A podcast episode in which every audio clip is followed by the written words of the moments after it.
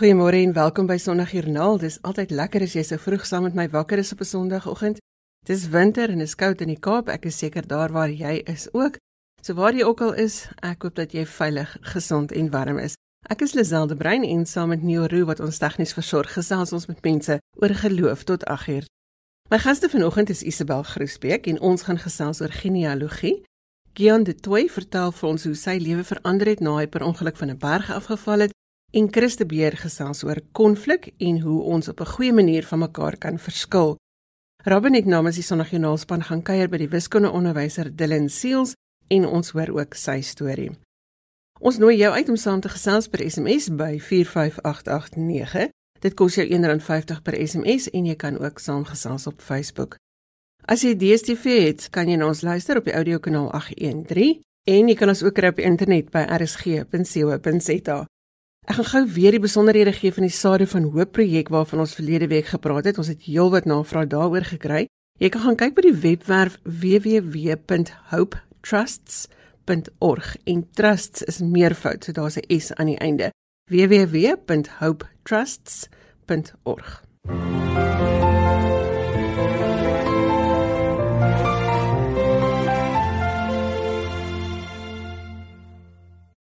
Christe Beer is 'n tentmaker predikant in Pretoria en ons fokus vandag op die belangrike saak van konflikhantering. Goeiemôre Chris. Ja, goeiemôre Lisel. Mense was vir lank in een huis opgesluit as te ware. Hoekom sukkel ons so met konflik? Man Lisel, eerstens ons weet mos nou maar die mense het so 'n sondige natuur aan hom. So hierdie is 'n ouetjie waarmee ons almal sukkel. Ek dink ook die ander ding wat ons vir mekaar kan sê is mense verskil van mekaar. Jy weet so mense het verskillende waardes, mense dink anders oor sekere goederes en ehm um, en uiteindelik selfs in 'n situasie soos ons nou sit waar mense byvoorbeeld vir lank in hulle huise moet weet vasgesluit word, is daar baie frustrasie wat rondloop. So ek dink al sulke goederes speel maar 'n rol, jy weet, rondom die hoeveelheid konflik wat mense ervaar in hierdie tydperk.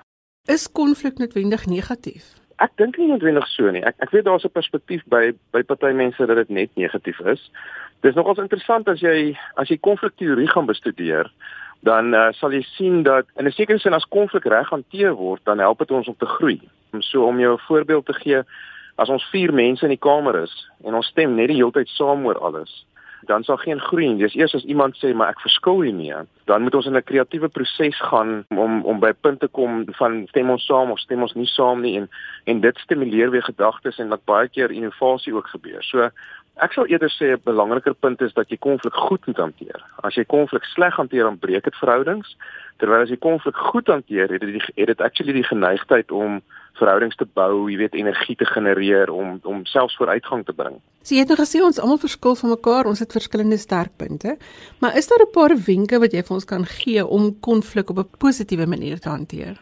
Ja, ehm um, Lisel, ek dink die die heel eerste ding is maak seker jy verstaan die die ander party se perspektief of se standpunt baie deeglik. Dit beteken ons moet bereid wees om te luister, want ek het nou al gesien in konflikscenario's wat gebeur is in jou kop, jy redeneer so met die persoon dat jy wil eintlik net die argument wen, so jy luister nie ordentlik nie. So my eerste wenk sal wees, maak seker jy luister so goed dat jy presies weet van waar die ander persoon kom. Die tweede wenk is is maak seker jy verstaan wat jy kan waardeer van die ander persoon se argument. Ek bedoel dan baie keer is daar goeders in hulle argument of of elemente daarvan wat jy waardeer. En lig dit uit, nê? Nee? Die derde wenk wat ek kan gee is as jy as jy presies weet van waar hulle kom, jy het ook vir hulle gewys, jy weet wat jy self waardeer, dan is dit die tyd om te sê hoekom jy verskil. Maar jy moet ook as jy sê um, hoekom jy verskil, moet jy moet jy die redes kan gee hoekom jy verskil. Jy kan nie net verskil nie, nê? En dan moet jy ook na dit, moet as jy gesê het hoekom jy verskil, moet jy 'n opbouende perspektief gaan gee van eerstens jy moet kan sê wat is die regte perspektief en hoekom 'n mens daar uit. Eh, dit is 'n paar eenvoudige goedjies wat as ou reg intentioneel daarop fokus, dan help dit nog ons ouens om konflik sinvol te hanteer. Jy noem nou hier 'n paar goed wat vir my voel asof 'n mens tyd nodig het as jy nou eers moet besluit oor die ander een se standpunt So dit beteken al hierdie goed moet nou gedoen word voor ons op mekaar begin skree. Spreuke 14 sê vir my so mooi, nê, nee, vers 29 as ek reg is en 30 daarvan van ons het nodig om geduld te leer. So so een van die vrug van die gees is geduld. En en ek dink regtig dat een van die lokvalle wat hy het is dat jy dinge net wil afjaag. So maak seker jy vat geduld, maak seker jy maak tyd om te luister van waar die persoon afkom, né? Nee? En dit beteken dat partykeer moet ons maar die moeite doen om die tyd in die gesprekke in te sit. Maar wat ek ook gevind het wat baie help is as jy fokus op hierdie goeters al net voor die tyd om te sê ek het nodig om te luister. Ek het nodig om te hoor watter goeters kan ek waardeer. Jy weet, um, ek het nodig om sinvol iemand my kant van die saak te verduidelik. As ek al voor die tyd myself kan voorberei dan in die oomblik dan hopelik kan ek die geduld daar neersit om dit net beter te hanteer. Dink jy dit het enige waarde dat ons dalk meer kere as gesin om 'n tafel sit en vir mekaar sê waarvan ons dankbaar is? Ek weet ons ons beweeg almal teen 'n verskillende pas. Ons is almal op 'n verskillende plek in ons lewe. Maar kan dit wees dat as ons om 'n tafel sit, miskien om te eet of om 'n familievergadering te hou, dat ons met mekaar deel waarvoor ons dankbaar is? Verseker, ek het altyd groot geword en die mense het gepraat van die die tafel is die huisaltaar, nê. Nee, um nou dit is fascinerend om 'n bietjie navorsing te gaan kyk rondom wat doen dit as mense om tafels uh, bymekaar sit. 'n Teoloog met die naam Leonard Sweet het 'n boek geskryf van Tablet to Table wat hy net bietjie uitpak al die voordele wat dit het, het om om 'n tafel te sit. So om saam te eet is 'n geweldige belangrike ding om te doen.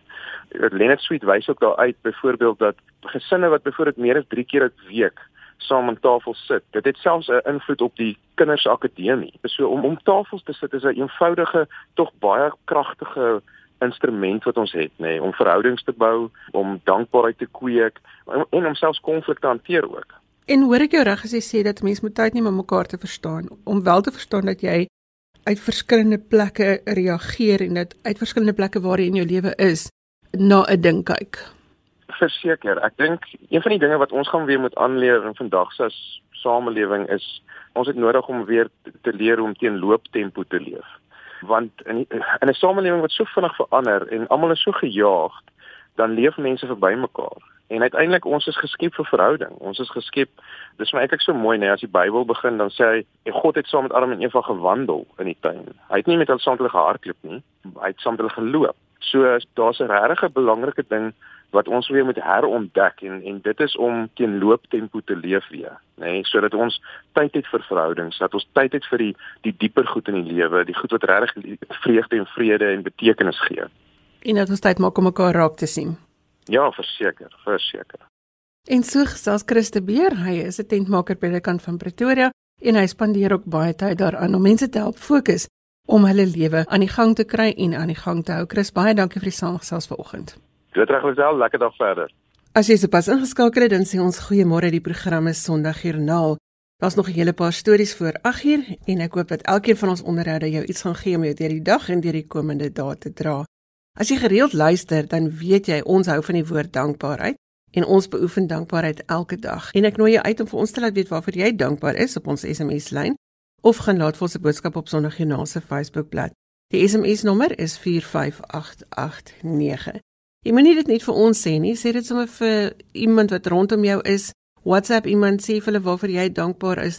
Dis 'n gewoonte wat ons graag met almal wil deel.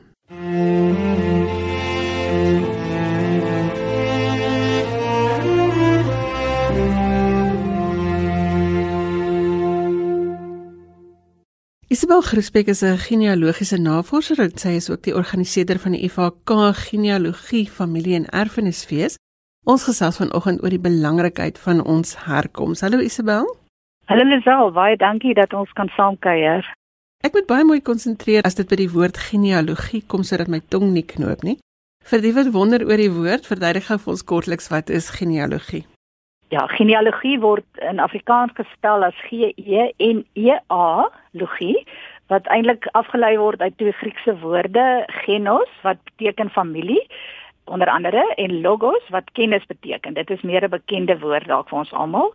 So letterlik beteken dit dat ons versamel inligting oor ons familie. Dit kan jou voorouers wees of iemand se nageslagte. Hang af wat jou fokus is. So hoe het jou pad met genealogie geloop?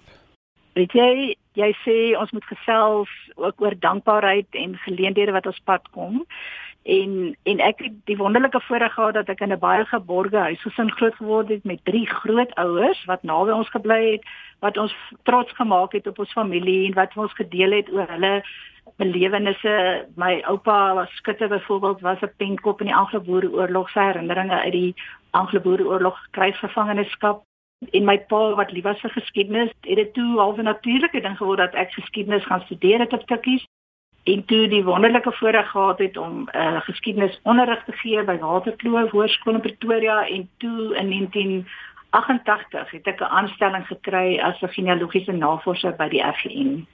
Maar die pad het wonderlik begin dit vir my so absolute passie geword en ek het my toegewy om uh, mense te help om die waarde te besef van genealogie uit ons uh, oorlewering in ons Christelike wêreld weet ons ook die belangrikheid wat wat geslaglyste in die Bybel vorm en wat uh, wat ons Jesus se geslag deur die verlede kon leer ken deur mense gewone mense.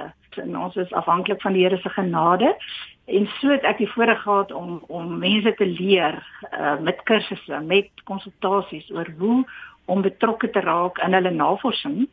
Maar in 1998 het daar 'n bom gebars in my lewe in die opsig dat uh, die daartoe aangekondig is deur die regering dat die afdeling sal sluit. En dit was vir my 'n geweldige traumatiese tyd in my lewe, maar die Here het my woord gegee uit Psalm 139 dat hy ons alreeds voor ons voor ons geboorte in ons moeder skoot gevorm het en vir ons 'n plan in ons lewe het. Ek het toe my werk verloor, maar ek het aangegaan as 'n deeltydse konsultant in genealogie en toe so 8 jaar later het ek die wonderlike voorreg gekry om by 'n gemeente te gaan werk uh as 'n amptenaar met ons dataregister. So daar het ek gewerk met die brondokumente, doopregisters, huweliksregisters en ook met duisende lidmate geskakel en my liefde met hulle kon deel vir die Here. Maar wat gebeur 14 uh, jaar later hoor ek weer die slegte nuus dat ek my werk verloor. En hoe is die Here getrou in sy groot beplanning? Gee hy my op die dag wat ek moes aftree, gee hy my weer 'n woord en dit uit Jeremia 1 en dit is weer dieselfde woord. Ek het jou in jou moeder skoot gevorm en ek het vir jou plan, jou lewe is beplan. Dit was vir my so wonderlik om te weet dat al gaan met hierdie tyd in woestyn in jou lewe, woestynpad, dat die Here het 'n groter plan en hy is in beheer. En wat gebeur toe in Augustus 2019 kom die aankondiging toe wel dat ons my werk uh, word beëindig, my my kontrak gaan gaan eindig en op dieselfde dag, op dieselfde dag in Augustus 2019 kry ek 'n oproep van die SHK dat hulle my vra om weer by hulle te begin met genealogie. Nou hoe, hoe hoe in die lewe 'n mens kan so iets glad nie beplan nie. Dit is absoluut in die Here se groot groot beplanning reeds voor my geboorte. Die tyd het so beplan en so kon ek na aftrede na 60 nog steeds voluit betrokke wees met genealogie en om mense daarmee te help. Ja, as jy die dinge raak sien waarvoor jy moet dankbaar wees, dan is daar altyd iets om voor dankbaar te wees. Isabel, ek wil tog net gou vir jou vra, wat is die waarde vir navorsers wat op die spoor van die verlede loop? Die waarde is vir my het vandat ek begin het as 'n junior navorser by genealogie by die RGM, het ek die waarde besef dat elke individu word binne 'n spesifieke familie gebore in die Here se groot plan. En daardie posisie waarna jou geplaas het binne 'n gesin al is daar swaar kry, al is daar hartseer. Ek bedoel weer voorbeelde van my ouers het ek geleer, deur my grootouers se swaar kry van die oorlog, het ek geleer dat die Here loop met 'n familie 'n pad. So die waarde van genealogie lê daarin dat elke persoon dit moet leer ken en op daardie reis moet gaan. En ons weet nie wat in die toekoms lê nie. Dit is onseker. Wat ons seker weet en dit is wat ek ook in my kursusse met mense sê, ek ek besef dat genealogie is nie gekoppel aan 'n geslag of 'n of 'n familiekultuur of aan 'n geloof nie. Mens kan so seker wat mens kan weet dat jy in die Here genade het en en sy kind kan wees. So seker kan jy ook weet dat jy binne 'n spesifieke familie gebore is met 'n sekere doel. En dit dat jy in die verlede uh die verlede leer ken, vir jou grootouers uitvra, hulle pad leer ken wat hulle geloop het, sien mens deur goed en deur swaar kry, is mens gevorm en mens leer jou land se geskiedenis ken. Jy leer uh, jou eie geskiedenis binne die land se geskiedenis ken. Dit is 'n 'n wonderlike tydverdryf vir gesinne rondom braaivleisvure, rondom kuiers by die see, weer daardie herkomste besoek en vir jou kinders te vertel dat daar nie altyd selfone was nie, dat ons op 'n stadium met telegramme moes kommunikeer en en jy leer regtig die waarde van familie ook ken deur deur die hele proses. Isabel, het jy 'n laaste gedagte oor dankbaarheid wat ons die week kan inneem? Wat ek vir mense graag wil deel is dat ons dankbaar moet wees vir alles wat oor mens pad kom in jou familie. Is dit swaar kry? Is dit wonderlike geleenthede? Ons moet dankbaar wees vir alles want eintlik deur die swaar kry het ek geleer dat ons regtig afhanklik is van die Here en dat ons slegs deur sy genade elke dag kan aanpak en ook die toekoms bou vir ons kinders en kleinkinders. Isabel Groesbeek het met ons gesels oor genealogie en die waarde daarvan. Dankie Isabel vir die saamgesels vanoggend. Baie dankie, alles wat mooi is. Goeiemôre hier vanuit Kaapstad. Jy luister na Sondagjoernaal en ons soek al die positiewe stories waar geloof 'n verskil maak. Ek kan gerus van jou laat hoor. My e-posadres is lazel@wwmedia.co.za of jy kan vir ons SMS by 45889. Ek gaan aan die einde van die program weer my kontakbesonderhede gee. Dan stuur jy vir ons jou geloofstorie of jou dankbaarheidstorie.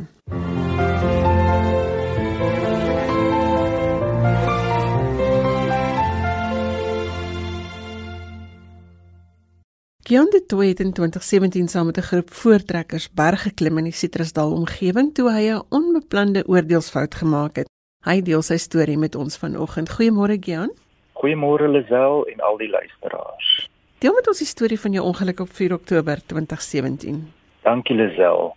Ek is Gian de Tooi en ek is 40 jaar jonk. Ek is getroud met 'n pragtige vrou, Chatay, en ons het 'n woelige 4-jarige seun, Ek is betrokke by die jeugorganisasie, die Voortrekkers, en spesifiek by 'n kamp vir graad 11 leerders. Die kamp se naam is Buitepos en dit fokus op selfbehoud, paraatheid en oorlewing. Tydens die kamp doen ons ook bergklim en abseil hoog in die berge. Ek was 'n fasiliteerder by die abseilstasie waar ons die leerders by 'n 50 meter in Engels rock face laat afseil het. Op 'n stadium was daar 'n geleentheid dat ek ook kon afgaan. 10 meter voordat ek op die grond sou eindig, het 'n tegniese fout gebeur en het ek na onder gevryval. En dis presies waar God se groot genade, guns en goedheid ingeskop het. Die plekkie waar ek geval het, was mooietjies bedek met gras, waar die res van die omgewing grootendeels uit rotse en berge bestaan. Net die vorige dag het die leerders geleer hoe om dit draagbaar te maak uit pale en na die ongeluk is ek na 'n platter terrein gedra en gestabiliseer. Een van die offisiere is 'n mediese dokter, Neil van Hoofing, en hy het noodhulp toegepas. Hy was ook voorheen betrokke by AMS Mercy, 'n bergreddings NGO, en hy kon hulle vinnig opspoor en hulle het my met 'n pragtige rooi helikopter oppik by die hospitaal het hulle 'n noodoperasie van 9 ure gedoen en 'n fusie van my lae rugwervels. Daarna mag ek vir omtrent 2 weke nie gesit het nie en na 6 weke kon ek eers weer begin werk en bestuur. Die ortopediese chirurg het gesê dat ek super bly kan wees dat ek so goed daarvan afgekom het. Eintlik moes ek iewers tussen dood en verlam wees. In totaal het ek 24 bene gebreek wat insluit my bekkenbeen en my skedelbasis. Ek het 'n gekneusde long gehad en my linkeroordrom het gebars. Vandag is ek egter 99% funksioneel en nie verlam of gestrem nie, behalwe vir 'n bietjie gehoorverlies. Kian, hoe het hierdie hele ding jou uitkyk op geloof verander? Eerstens moet ek sê ek glo in Jesus Christus. Sonder hom sou ek beslis nie oorleef het nie. My geloof is deur hierdie gebeurtenis verdiep en vergroot en dit bly vir my interessant dat God 'n uh, blykbaar negatiewe situasie kan omkeer in 'n positiewe een en so my geloof in hom versterk tot getuienis vir gelowiges en ongelowiges. En ek moet ook sê dat na die valongeluk ehm um, dat ek verder met depressie en angstigheid gesukkel het, maar met gebed, medikasie, en my ondersteuningsgroep het ek geleer om dit beter te te bestuur. So alhoewel iets soos depressie mense geloof skade kan berokken, is God getrou en hy dra jou daardeur. Nou ek is seker jy kyk met dankbaarheid terug oor hierdie gebeure. Watter rol speel dankbaarheid in jou lewe? Sjoe, Lisel, ek is so dankbaar vir my vrou, vir my kind, my geloof en die groot geskenk van 'n tweede kans op lewe. Ek is dankbaar vir my gesondheid, vir kosbare familie en vriende. Ek is ook dankbaar op 'n ligter noot om 'n uh, motorreis te kan hê waar ek my passie vir DIY kan uitleef. En een van my gunsteling gesegdes lei if you have one last breath left use it to say thank you. So kortom dankie dankie dankie Here Wat sou jou inspirasie wees Kian as mens nou deur hierdie trauma gaan en ek hoor deesdae 'n klomp stories oor trauma van mense wat moes vashou. As jy nou daar lê, wat is die ding waaraan jy vashou? Sjoe, Lisel, ek het um, alles en alles het ek eintlik lig daarvan afgekom in terme van alhoewel dit 'n traumatiese gebeurtenis was, dit was baie pynlik en uh, ingryping en onbeplan en dit gebeur in splitsekondes, maar ek het 'n soort uh, vrede gehad in my binneste. En ja, as mens wakker word van daardie van jy so 'n beswyming, Maar eh, as ek nou op my hande gaan tel, hierdie is nou maar net 'n paar van die klein uh, voorsienighede en, en eintlik getuienisse wat oor daai daai paar dae afgespeel het. Al hierdie klein getuienisse bou op tot een groot getuienis van God is good, he's in control and he will pull me through this. En so gesels Gian dit toe van die strand. Dankie Gian dat jy vir ons geïnspireer het vanoggend met jou storie van val en opstaan en vorentoe kyk. Dankie vir die saamgesels vanoggend. Dankie Lisel. Jy luister na Sondagjoernaal en ek is Liselde Bruin. Ons het nog so een laaste storie voor ons oorskakel vir die 8 uur nuus en daarvoor het Robin van der Rede by die wiskundeonderwyser van Apex Hoërskool, Dylan Seals gaan kuier. Kom ons hoor. Kom ons begin by die begin. 'n BSc Honeursgraad in Veekunde aan die Universiteit van Stellenbosch. Van waar die liefde vir die wetenskap en meer spesifiek jou liefde vir diere? Ek dink die liefde vir wetenskap kom af van skool daar af en dan was ek baie gaande oor die televisiereeks The Big Bang Theory wat basically oor die wetenskap gaan. Diere sal ek sê makliker om mee te praat en te kommunikeer dan nou as mense. Waar kom jou passie vir kinders vandaan? Ek sal sê ons huis is 'n huis wat baie lief is vir kinders. So ek het baie met die gemeenskap waarin ek woon gewerk. So ek het in Stellenbosch skool gegaan, maar ek bly al my hele lewe lank in Eersterivier. So ek het gratis ekstra klasse dan nou aangebied vir minderbevoorregte kinders uit die gemeenskap uit. Kinders wie werklik waar die talent en die passie het om wetenskap en wiskunde te doen, maar nie die mens het om dan nou eksterne tutors en professionele mense te kan bekostig nie.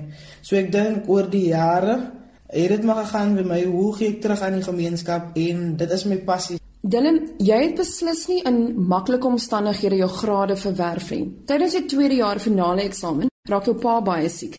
Verduidelik hoe geloof jou gehelp het in hierdie moeilike tyd. So, dit was in my tweede jaar en ten tye van toe ons hoor dat my pa baie siek is, het hy al reeds twee hartaanvalle gehad wat ons nie bewus was van nie. En toe ons dan nou ingeroep is, toe sê die dokter maar die diabetes het die hoofslagare so basically weggevreet dat dan nie 'n uh, manier is hoe hulle stens kan insit om dan nou die aarde te verbreek nie. So sê hulle maar hulle sal 'n volle hartomleiding moet doen, so al vier van die aarde sal vervang moet word. Maar dit ons ook dan nou gesê dat die kans is baie groot dat hy dit nie sal maak nie. Die operasie was so 'n bietjie langer as 10 ure. En ten tye toe hulle dan nou die borskas toe maak, het die hoof, die aorta, die hoofslagader toe losgekom. Sien die dokter sê dit vir meer as 30 sekondes sonder bloed klaar gekom. Die resultaat daarvan sou dan gewees het hy kon nie loop nie, hy moet weer leer om 'n mes en 'n vurk vas te hou. Hy hy was blind, totaal en al blind gewees en hulle het gesê hulle glo nie dat hy wel sou verbeter nie, maar omdat ons groot geword het in 'n Christelike huis en groot gemaak is uh om jou geloof dan nou in die Here te sit. Weet ons ook die vryheid gehad dan nou toe ons ouer is om self die keuse dan nou die besluit te maak of ons dan nou ehm um, gaan ons nog steeds voort met kerk En en en wat beteken dit persoonlik dan nou vir jou? So ons het dan nou daarin ons eie geloofsvertuigings dan nou daar rondom gevorm. En ek het geweet dat toe die dokter vir my dit sê, het ek eerstens het ek gelag want ek het vir hom gesê wat by hom onmoontlik is, is by God werklik baie maklik moontlik. En dit was in die tweede week het hy weer begin sy sig terugkeer. Hy het hom toe weer laat leer loop en alles dit en seker so na 4 weke in die intensiewe sorgeenheid kon hulle toe vir hom oorplaas dan nou na die na 'n uh, uh, high care toe, hoë sorg en dan na 'n ander saal toe. Maar met betrekking dan nou tot hoe my wat jy my kop gemaal het in terme van dit, was dan nou ek het geweet my ma het my die keuse gegee. Jy's aan die einde van die finale eksamen. Niemand verwag van jou dan nou om voort te gaan daarmee nie. Maar ek het geweet dat omdat my pa dit sou wou gehad het dat ek in, van my ouers my so groot gemaak. Uh niks in die lewe kom maklik nie. Jy moet werk vir alles. Dit gaan nie net vir jou gegee word op 'n skoumbord nie. So wat in my kop gemaal het was dat Dit is 'n moeilike tyd, ja, maar Jesus Christus het aan ons gewys hoe om deur moeilike tye nog steeds saam te bly. Deur om die ultimate of ja, die ultimate sacrifice dan nou uh, op die kruis vir ons te gee. So ek het nie myself as spesiaal geag of jammer gekry dan nou in dit nie. Ek het net myself gesê as die Here erger dinge kon deurgemaak het, wie's ek dan nou om te twyfel dat hy nie vir my ook die onmoontlike moontlik kon gemaak het nie.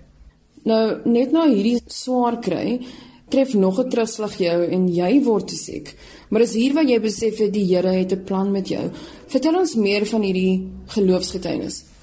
Ja, vir my was ek altyd 'n sterk persoon en niks gaan oor my nie. Aan die begin het ek dit weggesteek van my familie af, want ek sal eerder laat ek worry oor hulle as wat hulle bekommerd is oor my. En dit het redelik lank geduur voordat ek vir hulle dan nou ingelig het van wat aangaan is. En een nag het ek gery van Stellenbosch huis toe van die kerk af en ek kon letterlik nie sien voor my nie. En dit het my bang gemaak want waar toe gaan my se gaan nou? Ek het toe dan 'n afspraak gemaak by die oogspesialist en hy het my gesê dat die aard op my oë dan nou so vernou is want daar's 'n drukking op die brein, dis 'n vog wat opbou en dit uh lei dan nou daarop dat die uiteinde sal wees dat ek my sig sal verloor binne 'n paar maande. In dit alles het ek weer eens na die Here toe gegaan want tot op daai stadium is dit die Here wat my werklik wou gedraai het tot en met hierdie punt. En ek besef toe dat ek kan of twyfel in die Here en alles uh waarvoor hy gesterf het en waarvoor ek baklei het, um of dit opgee of ek kan volhard in dit. Ek dink as Paulus wat so mooi skryf, hy sê ek volhard in swaar kry want ek weet swaar kry kweek geloof. En ek dink is is tydens hierdie tyd wat my geloof soos nog nooit van tevore getoets was nie want vir die eerste eerste keer in my lewe gaan dit nou oor my.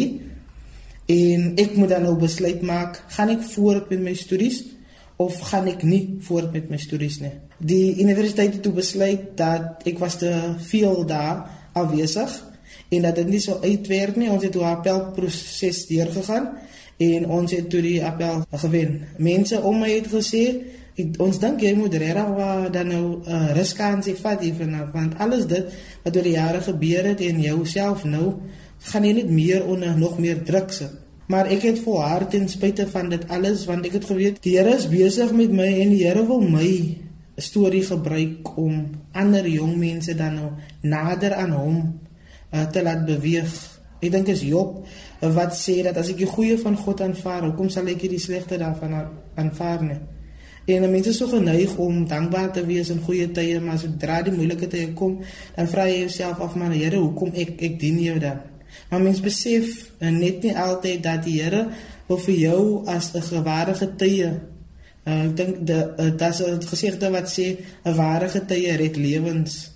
En ek dink dit is wat met my gebeur het dat ten spyte van dit alles, nou gedurende hierdie tyd moes ek dan nog gereeld ingegaan het hospitaal toe en hulle moes dan nou die vog gedreineer het. Hoe hulle dit gedoen het, so wat, wat dit was deur 'n lammepuncture twee keer 'n maand. So hulle hulle sit basically in in jou in jou spine en dan trek hulle die vog van jou brein af. En ek het uh, die side effects wat ek toe gewys het daarvan is my hele liggaam het toe in spasma gegaan almal as dit gebeur het. So dit was intense hoofpyn, So dit is gedurende hierdie tyd wat my swaar kry toe vir my nog meer nader aan die Here bring. En en in dit alles kan ek werklik sê die Here was en is baie goed vir my. Dat ek op hierdie stadium dan nou met alles dit wat gebeur het nog steeds staande kan bly en my krag in hom kan vind. Dylan op Facebook reg onder jou naam het jy Psalm 132 vers 18 Sy vyande beklee ek met skaamte, maar sy kroon sal bly skitter. Wat is vir jou so besonders aan hierdie vers? Hierdie vers was aan my gegee deur twee persone. Een is my suster en dan iemand is dan nou in ons kerk, uh een van ons kerk lidmate omdat ek op die bestuur van die kerk ook dien. En ten tye van my siekte self het een van die intercessors dan na my toe gekom en gesien dat Sy sê vir my daar's 'n groot calling op jou lewe en die Here het 'n groot plan met jou lewe. Maar ons kan ook sien dat daar die klein dingetjies is wat jou van stryk wil bring. En hulle gee toe vir my hierdie ehm um, teksvers uit Psalm uit wat Dawid self skryf dat sy vyande bekleed ek met skaamte maar sy kroon sal bly skitter en dit is wat die Here toe aan Dawid gesê het en ons weet Dawid het soveel dinge deurgegaan in die Bybel. En selfs in Psalm 23 wys hy en hy sê vir ons dat al gaan ons deur 'n dal van doodskade week, sal geen onheil vrees nie want U is met my. Da Dawid skryf daai en hy weet dat hy nie in die dal sal bly nie. Hy sê al gaan ek deur dit. En met hierdie spesifieke uh skriflesing skryf Dawid dit op 'n tyd waar waar koning Saul weet Dawid is volgende in lyn om koning te word. Maar die uitdagings wat oor sy pad gebring word en Saul wil op 'n tyd self vir Dawid doodmaak. Rondom dit skryf die Here vir Dawid in sy swaar kry en in die hele proses was Saul hom wil laat doodmaak het. Sê die Here aan Dawid: "Jou vyande bekleed ek met skaamte. Jou sukses sal so groot wees." Dat maak nie saak wat jou vyande of wat die uitdagings wat oor jou pad kom jou bring nie. Jy sal altyd suksesvol daarin wees omdat Dawid geweet het in wie se krag hy lê in in wie se waar sy krag lê en en vir my spesifiek daar het soveel waarde dat toe 'n tyd uh, wat dit moeilik met my gegaan het en ek ook gedink het dat dit wat gebeur van die vyand af is en ek ook gedink het dat uh, my omstandighede en die dinge wat op my pad gebring is dan nou vir my van stryk gaan laat bly toe op 'n tyd toe my kroon ook heel moontlik my gesig uh, nie meer kon skitter as gevolg van die uitdagings en alles dit nie. Het hierdie teks weer my ook dan nou gebring by 'n punt waar die Here vir my sê dat jou vyande sal basically basies net toe kyk daarop. Maar jou plan wat ek vir jou het, dit sal tot 'n werking kom. As ek net iets in slot kan sê is dat ek hoop dat wanneer die jong mense veral en ander gelowiges, selfs die wat nie vir hulle self bestempel as gelowig nie, wanneer hulle my storie hoor en hulle weet en hulle hoor van die sukses, moet hulle weet dat die sukses nie maklik gekom het nie, met uitdagings, ja, maar dat die Here wat die Here vir my gedoen het, kan die Here vir elkeen van u wat luister vanoggend doen. En dit kos net vir my en u om dan na die Here toe te draai en om eerlik en en reguit met die Here te wees. En so gesels dit in seels met Robin van der Rede wat ons aan die einde van ons program bring vanoggend. My gaste vanoggend was Isabel Groesbeek en ons het gesels oor genealogie. Gian de Toey het vertel hoe sy lewe verander het nadat hy van 'n berg afgeval het en Christe Beer het gesels oor konflikhantering. Die wiskundeonderwyser Dylan Seels het ons program afgesluit. Sondagjoernaal is as 'n potgooi beskikbaar op die webwerf by rsg.co.za. Jy kan daar gaan soek ook vir al die vorige onderhoude. As jy iets soek, gaan jy dit daar kry. Jy moet net die regte datum daarby intik. Jy kan vir my e-pos met kommentaar of as jy 'n geloostorie met ons wil deel, my e-posadres is lazel@wwmedia.co.za.